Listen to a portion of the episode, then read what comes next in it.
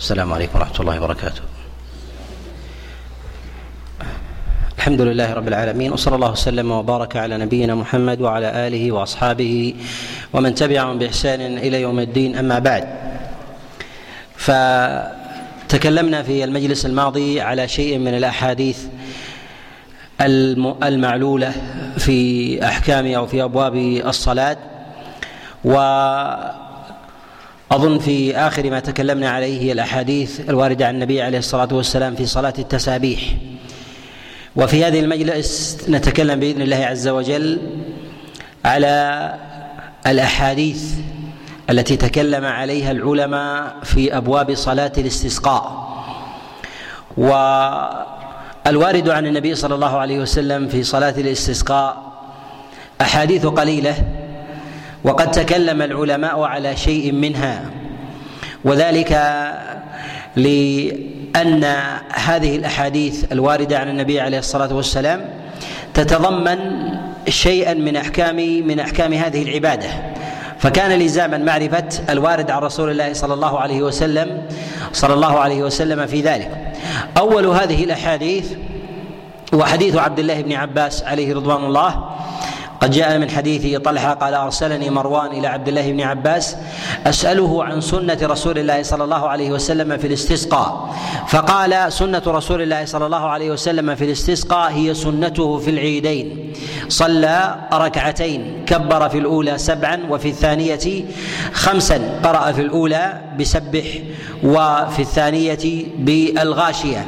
هذا الحديث أخرجه الدار قطني في سننه وأخرجه كذلك أيضا الحاكم في كتابه في كتابه المستدرك من حديث محمد بن عبد العزيز بن عمر بن عبد الرحمن بن عوف عن أبيه يرويه عن طلحة عن عبد الله بن عباس عن رسول الله صلى الله عليه وسلم. هذا الحديث تفرد به محمد بن عبد العزيز وهو من أبناء الصحابي الجليل عبد الرحمن بن عوف ومحمد بن عبد العزيز ضعيف الحديث يضعفه يضعف الأئمة. وقد قال غير واحد من العلماء بأنه منكر الحديث كما أشار إلى هذا البخاري رحمه الله في كتابه التاريخ وكذلك أيضا أبو حاتم. وهذا الحديث بهذا اللفظ لا يعرف عن عبد الله بن عباس إلا من حديث محمد بن ابن عبد العزيز بهذا بهذا الإسناد. ويتضمن هذا الحديث معنى من المعاني وهو أنه جعل صلاة الاستسقاء كصلاة العيدين ويتضمن ذلك جملة جملة من من المسائل منها أن الخطبة تسبق الصلاة وكذلك أيضا أنه يتضمن تكبيرا زائدا غير تكبيرة الإحرام وهذا يكون في صلاة العيدين. وهذا إنما جاء في أحاديث عن النبي عليه الصلاة والسلام ضعيفة فلا يثبت التكبير الزائد عن تكبيرة الإحرام. أو التكبير الواجب عن رسول الله صلى الله عليه وسلم في صلاة الاستسقاء. وأول هذه الأحاديث التي قد ورد فيها عدد التكبير هو حديث عبد الله بن عباس عليه رضوان الله تعالى هذا وقد تفرد به محمد بن عبد العزيز ولا يعرف عن عبد الله بن عباس إلا إلا من حديثه.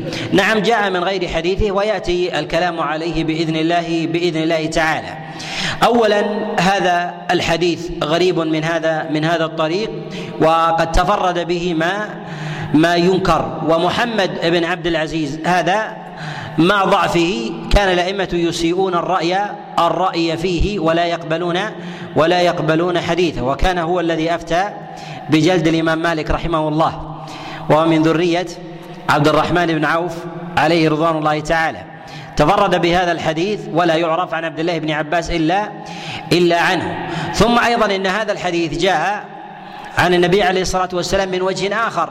جاء من حديث هشام بن إسحاق بن عبد الله بن كنانة عن أبيه وخالف فيه محمد بن عبد العزيز في روايته له ولم يذكر في ذلك التكبيرات الزوائد ولم يذكر في ذلك التكبيرات الزوائد. وهذا يدل على أن محمد بن عبد العزيز إنما تفرد بهذا إنما تفرد بهذا الحديث عن عبد الله بن عباس وليس هذا في حديث عبد الله بن عباس من جهه من جهة الأصل. وقد أعل هذا الحديث جماعة من الحفاظ. وأعله البخاري رحمه الله كما نقله عنه غير واحد كالترمذي رحمه الله وكذلك أيضا في ظاهر في ظاهر كلام أبي حاتم في محمد بن عبد العزيز وأعله كذلك ابن رجب رحمه الله في كتابه الفتح. قال وعدد التكبيرات جاء عن رسول الله صلى الله عليه وسلم بإسناد ضعيف ويريد بذلك هو هذا الحديث حديث محمد بن عبد العزيز به عن عبد الله بن عباس عن رسول الله صلى الله عليه وسلم. وعلى هذا نقول إن هذا إن هذا الحديث لا يصح عن رسول الله صلى الله عليه وسلم. الحديث الثاني هو حديث عبد الله بن زيد وحديث عبد الله بن زيد. أن رسول الله صلى الله عليه وسلم صلى بهم صلاة الاستسقاء فكبر في الأولى سبعا وفي الثانية خمسا. وهذا الحديث يرويه يزيد بن عياض يرويه يزيد بن عياض عن أبي بكر بن عمرو بن حزم وعن ابنيه عبد الله ومحمد. وعبد الله بن محمد بن أسامة وابن شهاب كلهم عن عبد الله بن زيد الصحابي الجليل عن رسول الله صلى الله عليه وسلم. وهذا الحديث أيضا حديث مردود وهو شبيه بالموضوع وذلك لتفرد يزيد بن عياض بن جعدب بهذا بهذا الحديث وهو الليثي المدني وقد اتهم بالوضع وقد اتهم وقد اتهم بالوضع. اتهمه بالوضع غير واحد من غير واحد من الأئمة كالإمام مالك رحمه الله وكذلك أيضا ابن معين والنسائي وغيرهم. وتفرده بهذا الحديث مردود لو كان لو كان ثقة لو كان ثقة متوسطا كيف وهو؟ وهو متهم بالكذب.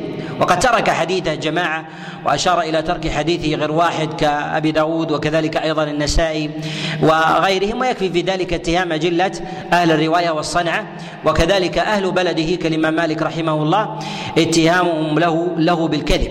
وأيضا فإن الجمع في هذه الرواية فإنه يروي عن جماعة يروي عن أبي بكر بن عمرو بن حزم ويروي عن ابنيه عبد الله ومحمد. وكذلك جاء هذا الحديث من حديث عبد الله بن أسامة وابن شهاب يروي عن هؤلاء عن هؤلاء جميعا عن عبد الله عن عبد الله بن زيد.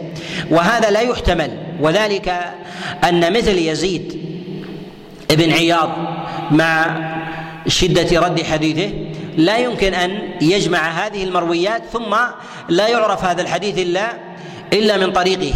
ولو رواه من هو أحسن حالا منه رواه عن هؤلاء الجماعة ما قبل وذلك أن الحديث يدل على أنه في هذه الطبقة وهي الطبقة المتأخرة من من التابعين أو طبقة أتباع التابعين أنه مشتهر ثم رجع غريبا ثم رجع غريبا وهذه طريقة يعل بها الحديث. والأصل أن الحديث يبدأ غريبا ثم ينتشر. الأصل أن الحديث يبدأ غريبا ثم ينتشر لا ان يكون منتشرا مشهورا ثم يصبح غريبا ثم يصبح غريبا. فهو غريب من حديث يزيد بن عياض مشتهر عن شيوخه وهو يروي في هذا في هذا الموضع عن خمسة من الرواة. يروي عن أبي بكر بن حزم وعن ابنيه عبد الله ومحمد وعبد الله بن أسامة ويروي عن ابن شهاب. وهذا وهذه استفاضة. ثم ينفرد بالرواية عنهم واحد. بل لو كان كانت حال يزيد بن عياض هي أحسن حالا منه فكان من الثقات المتوسطين أو ربما أيضا كان من الكبار. لا رد لرد حديثه لأن هذا يخالف الاضطراد في القاعدة. الاضطراد في القاعدة أن الأحاديث اذا إذا انتشر في بلد فإنه لا يرجع غريبا الأصل في ذلك أنه ينتشر زيادة لا أن يكون أن يكون غريبا. فكان حينئذ فكان ذلك ردا لهذا لهذا الحديث. ثم أيضا من وجوه الإعلال أن حديث عبد الله بن زيد عليه رضوان الله في الصحيحين. حديث عبد الله بن زيد في الصحيحين في صفة صلاة الاستسقاء عن رسول الله صلى الله عليه وسلم وليس فيها عدد التكبيرات وليس فيها عدد عدد التكبيرات وإنما فيها أن النبي صلى الله عليه وسلم صلى ركعتين وذكر من صفة صلاة النبي عليه الصلاة والسلام أنها كصلاة الجمعة يعني بدأ بالخطبة ثم ثم بعد ذلك بعد ذلك الصلاة. وهذه مسألة أيضا قد وقع فيها نزاع لاختلاف الأحاديث الواردة في هذا الباب ويأتي الكلام عليها ويأتي الكلام عليها بإذن الله تعالى. والقاعدة عند الشيخين في الصحيحين أنهما إذا أخرجا حديثا من الأحاديث وترك خلافه في معناه فإن هذا كالنص بالإعلان فإن هذا كالنص بالإعلان إذا لم يكن الحديث إذا لم يكن الحديث مرجوحا أو منسوخا فربما أخرجوا الناسخ مع صحة المنسوخ وتركوا المنسوخ وتركوا المنسوخ فهذا فهذا يرد. ولكن إذا لم يكن ثمة نسخ فإن فإن هذا كالإعلان. وهذه طريقة شبيهة بالقاعدة في طريقتين بل هو أيضا حتى كذلك أيضا في الحديث كذلك أيضا في الأثر الموقوف عن النبي عن عن الصحابة عليهم رضوان الله تعالى كالخلفاء الراشدين ومن جاء بعدهم إذا روى البخاري ومسلم اثرا موقوفا عليه على أحد من الصحابة. ثم لم يرد في المرفوع شيء فهذا إعلال للموافق والمخالف. فهذا إعلال للموافق والمخالف لأنهم يريدان لانهما يريدان في الباب أمثل شيء فيه. فإذا أعوزهما البحث عن المرفوع أورد الموقوف أورد الموقوف وهذا وهذا له نظائر وهذا له نظائر نظائر كثيرة. لهذا نقول إن هذا الحديث في رواية عبد الله ابن زيد في رواية عبد الله ابن زيد في ذكر التكبيرات في صلاة الاستسقاء أمارة على على رده عند الشيخين أنهما أخرج الحديث وليس فيه عدد التكبيرات وإنما فيه أنه أنه صلى صلى الله عليه وسلم صلاة الاستسقاء ركعتين وقدم النبي عليه الصلاة والسلام الخطبة على الصلاة وان ما جاء خلاف ذلك خارج الصحيحين فإنه على نهجهما معلول ومردود. كذلك أيضا فإنه من جهة الصناعة الحديثية على سبيل الاستقلال يقال بأن هذا الحديث موضوع أن هذا الحديث حديث موضوع ولا يثبت عن النبي صلى الله عليه وسلم. الحديث الثالث في هذا هو حديث أنس بن مالك عليه رضوان الله تعالى أن رسول الله صلى الله عليه وسلم صلى صلاة الاستسقاء ركعتين فكبر تكبيرة تكبيرة يعني في الركعة الأولى تكبيرة والثانية تكبيرة ولم يزد عليها وهذا الحديث من حديث أنس بن مالك أخرجه الطبراني في كتابه المعجم الأوسط من حديث عبد الله ابن حسين ابن عطاء. عن ابن الفرات عن شريك بن عبد الله بن أبي نمر عن أنس بن مالك عن رسول الله صلى الله عليه وسلم. وهذا الحديث حديث منكر كذلك. وذلك أن الثابت عن النبي عليه الصلاة والسلام صلاة ركعتين من غير تفصيل. وحديث أنس بن مالك في الصحيحين في الاستسقاء في خطبة الجمعة. ولو كان عند الشيخين صفة الاستسقاء عن النبي عليه الصلاة والسلام من حديث أنس بن مالك على سبيل الاستقلال كان أصرح وأوضح ذكرها من ذكر حديث الاستسقاء دعاء في صلاة الجمعة. والأحناف يعتمدون على حديث أنس بن مالك في الدعاء في صلاة الجمعة على عدم مشروعية صلاة مستقلة للاستسقاء فيرون الدعاء مجردا. يرون الدعاء مجردا. ولكن نقول إن حديث أنس بن مالك عليه رضوان الله في الاستسقاء إنما كان لما جاءه ذلك الرجل واستغاث ب واستغاث برسول الله صلى الله عليه وسلم فكان حينئذ من النبي عليه الصلاة والسلام الدعاء. كان من النبي عليه الصلاة والسلام الدعاء فاستغاث رسول الله صلى الله عليه وسلم ربه كما في الحديث المعروف. وهذا الحديث حديث أنس بن مالك النبي عليه الصلاة والسلام كبر تكبيرة تكبيرة. هذا الحديث أيضا منكر وهو معلول بعدة علل. أول هذه العلل أن هذا الحديث لا يعرف إلا من حديث عبد الله بن حسين بن عطاء. وعبد الله بن حسين بن عطاء ضعيف باتفاق الأئمة. وقد تفرد بهذا الحديث. ولا يعرف عن ابن الفرات عن شريك بن عبد الله بن أبي نمر إلا إلا من حديثه إلا من حديثه. وكذلك أيضا من وجوه العلل أن هذا الحديث وهو حديث أنس بن مالك عليه رضوان الله لا يعرف في الاستسقاء في غير الجمعة إلا من حديث إلا من حديث شريك ابن عبد الله بن أبي نمر عن أنس بن مالك. وهو في الصحيحين من غير رواية شريك بن عبد الله بن أبي نمر أن النبي عليه الصلاة والسلام استسقى وهو على وهو في خطبة الجمعة فدعا النبي عليه الصلاة والسلام. يعني في في جمعتين الجمعة الأولى في الاستسقاء والثانية في في حبس حبس القطر عن عن الناس وجعل ذلك في بطون الأودية وعلى منابت الشجر. وهذا أمارة على أن هذا الحديث لا يعرف في صفة صلاة الاستسقاء إلا من حديث شريك. وشريك بن عبد الله بن أبي نمر مع ثقته إلا أنه ربما تفرد بألفاظ يخطئ بها إلا أنه ربما تفرد بألفاظ يخطئ بها. وكذلك أيضا فإن هذا الحديث يرويه من الثقات من أصحاب شريك يروونه ولا يذكرون فيه التكبير لا يذكرون فيه عددا لا واحدا ولا أكثر من ذلك. وقد رواه عنه الإمام مالك رحمه الله وغيره. يرونه عن شريك ابن عبد الله ابن أبي نمر عن أنس بن مالك عن رسول الله صلى الله عليه وسلم ولا يذكرون فيه عدد التكبيرات. ولا يذكرون فيه عدد عدد التكبيرات. فدل هذا على أن ذكر التكبير في الحديث ضعيف وأن صفة صلاة الاستسقاء من حديث أنس بن مالك فيها نظر. ولو صحت عند الشيخين من وجه لكان أولى بإيرادها من الاستغاثة على على منبر الجمعة وذلك لكمال لكمال الصفة فيها لكمال الصفة فيها. الحديث الرابع هو حديث أبي هريرة عليه رضوان الله أن رسول الله صلى الله عليه وسلم لما قلب رداءه استقبل القبلة في صلاة الاستسقاء جثى على ركبتيه ثم أخذ يدعو. وفي هذا الحديث الجثو على الركبتين عند الدعاء في صلاة الاستسقاء. هذا الحديث أخرجه الطبراني في المعجم من حديث مجاشع بن عمرو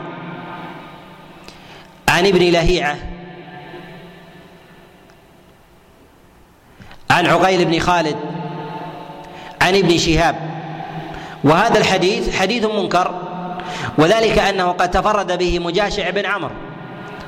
ومجاشع بن عمرو ضعيف الحديث ضعفه جماعة من الأئمة كيحيى بن معين والبخاري وغيرهم. وكذلك أيضا فإن هذا الحديث في إسناده عبد الله بن لهيعة وقد تقدم معنا الكلام على حديثه مرارا. تقدم معنا الكلام على حديثه مرارا وذكرنا أن الأصل في حديث عبد الله بن لهيعه الضعف وهذه هي القاعدة في حديثه وهذه القاعدة في في حديثه إلا إلا ما يقبل في المتابعات في من روى عنه قبل اختلاطه من روى عنه قديما وأن أعلى روايته على ما تقدم ما رواه قديما في حديثه وكان في أبواب اختصاصه كالقضاء. في أبواب اختصاصه كالقضاء فإنه أقرب حديث. إذا اجتمع فيه القضاء وكان كذلك أيضا من قديم من قديم حديثه فإنه يضبطه أكثر فإنه يضبطه أكثر من غيره. وأشد حديثه ضعفا ما يرويه بعد اختلاطه وليس في اختصاصه. ما يرويه بعد اختلاطه وليس وليس في اختصاصه فإنه في ذلك أشد أشد ردا. وليس هذا الحديث مما مما يقبل ليس هذا الحديث مما يقبل لاجتماع وجوه الضعف فيه لاجتماع وجوه الضعف فيه لتفرد مجاشع بن عمرو وكذلك أيضا في رواية عن عبد الله بن ليعه وهذا كاف في رد هذا هذا الحديث. الحديث الخامس هو حديث سعد بن أبي وقاص عليه رضوان الله تعالى أن رجالا جاءوا إلى رسول الله صلى الله عليه وسلم فشكوا إليه قحط المطر. فقال رسول الله صلى الله عليه وسلم اجثوا على الركب وقولوا يا رب يا رب تغاثون فأغيثوا. هذا الحديث أخرجه البخاري في كتابه التاريخ والبزار في المسند وابن حبان رواه كذلك أيضا في كتابه الثقات وأبو عوانة رواه كذلك أيضا في معجمه. من حديث عامر بن خارجة بن سعد عن جده سعد بن أبي وقاص ويرويه عن عامر بن خارجة حفص بن النضر السلمي. وهذا الحديث منكر أيضا ومعلول أيضا بعدة علل. أول هذه العلل أن هذا الحديث لا يعرف إلا من حديث حفص السلمي ولا يعرف ممن يرويه السلمي عنه إلا عن عامر بن خارجة بن سعد ويرويه عن جده وعامر بن خارجة لين الحديث وقد أعل حديثه غير واحد من الأئمة كالبخاري رحمه الله. فإنه قال في حديثه فيه نظر. وأعل حديثه كذلك أبو حاتم الرازي وأبو حاتم بن حبان في كتابه الثقات. فإنه قال يروي حديثا في المطر. يروي حديثا في في المطر وتكلم وتكلم فيه. وهذا التفرد مما يرد عادة مما يرد عادة. ومن وجوه العلل في هذا الحديث أيضا أن هذا الحديث يرويه هنا عامر بن خارجة ابن سعد عن جده. قال البزار رحمه الله لما أخرج هذا الحديث في كتابه المسند قال ولا يعرف له سماع من جده. يعني أن الحديث منقطع. أخرج هذا الحديث الطبراني في المعجم وفي الدعاء قال عن أبيه عن جده.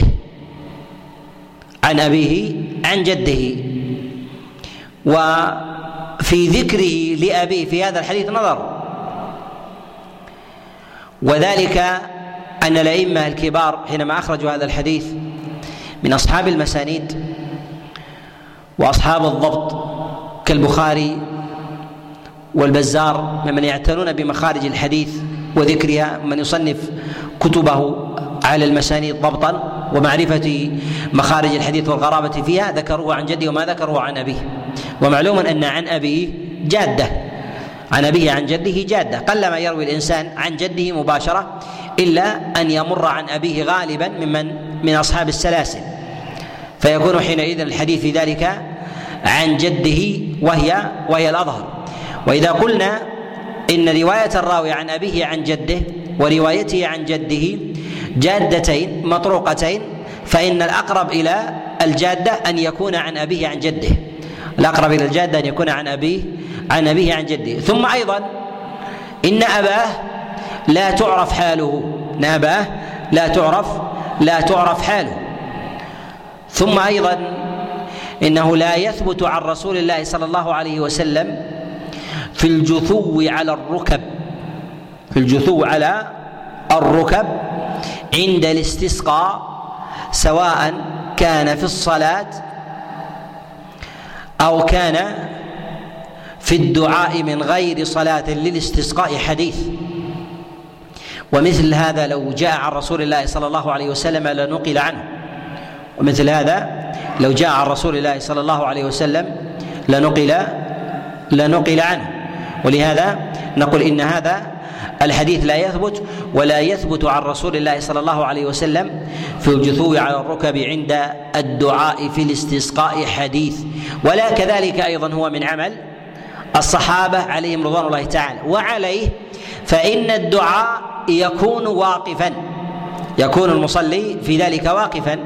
فيستقبل القبلة ويقلب رداءه شماله على يمينه أو يمينه على يساره ويجعل يساره على على يمينه ثم يستقبل القبلة ويدعو. أما الجثوع على الركب أو القعود والجلوس أو الإقعاء فهذا لا يثبت فيه شيء عن النبي صلى الله عليه وسلم.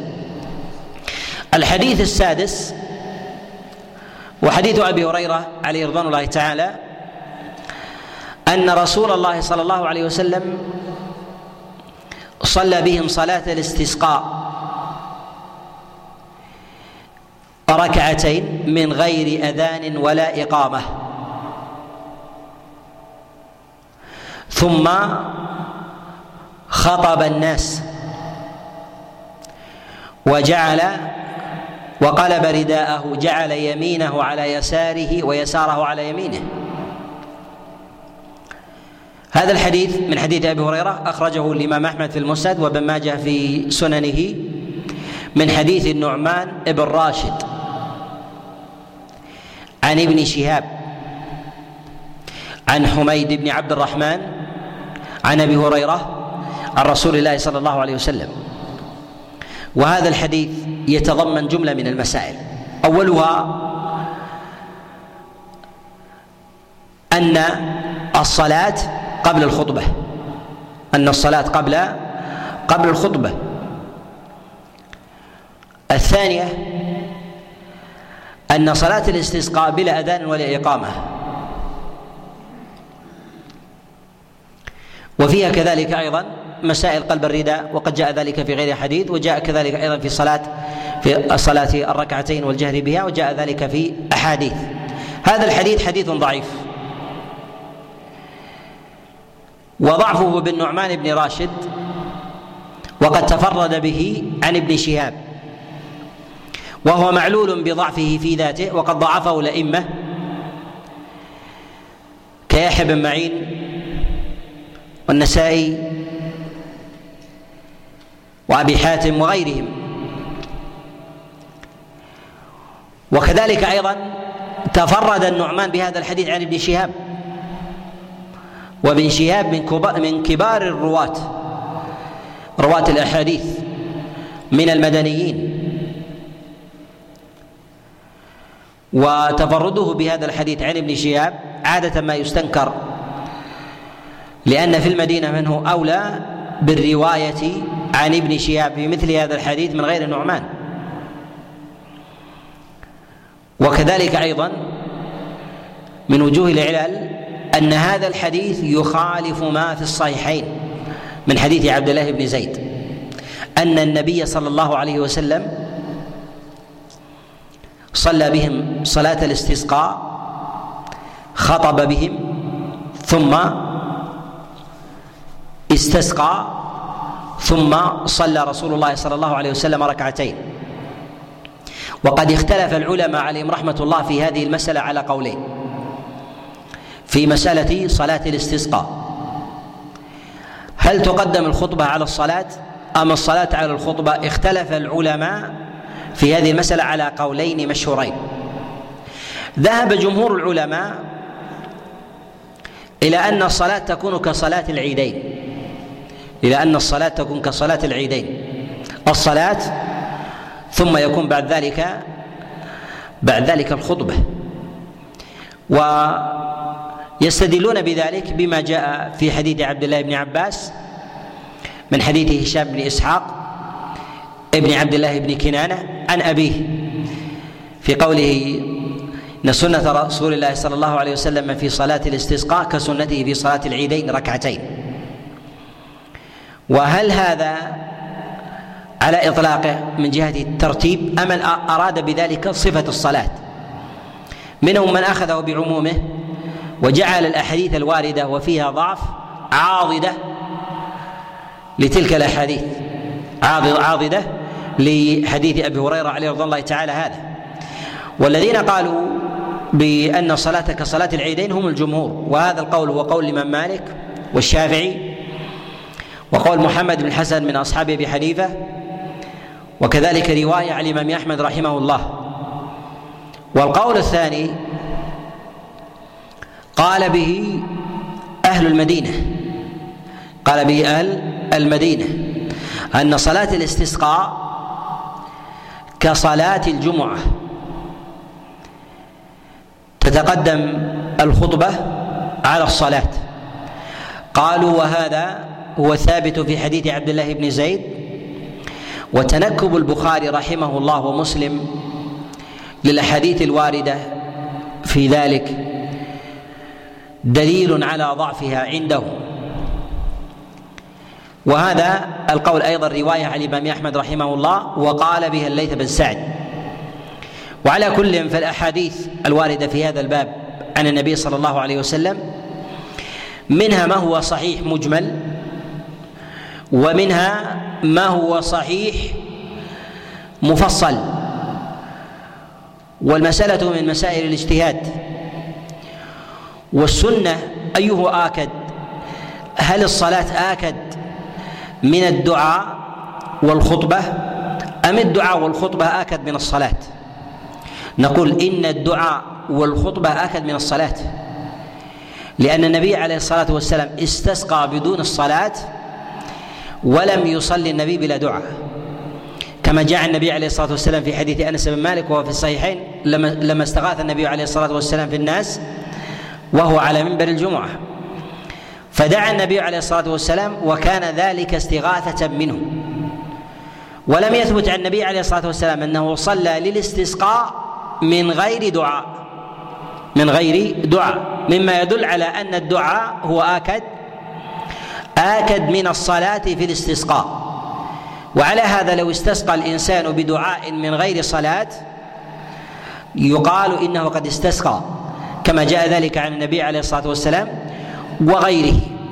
وهذا الحديث يعني حديث أبي هريرة هو حجة الجمهور وجعلوا الأحاديث السابقة التي تقدم في حديث عبد الله بن عباس وغيره في سنة الصلاة صلاة الاستسقاء صلاة العيدين جعلوها عاضدة لهذا الحديث. ومنهم من أخذ بظاهر ما جاء في الصحيحين وظاهر الصنيع البخاري ومسلم عليهم رحمة الله تعالى بأن هذا الحديث إنما هو في جعل الصلاة كصلاة الجمعة والمسألة تحتاج إلى بسط في كلام السلف عليهم رحمة الله تعالى في هذا.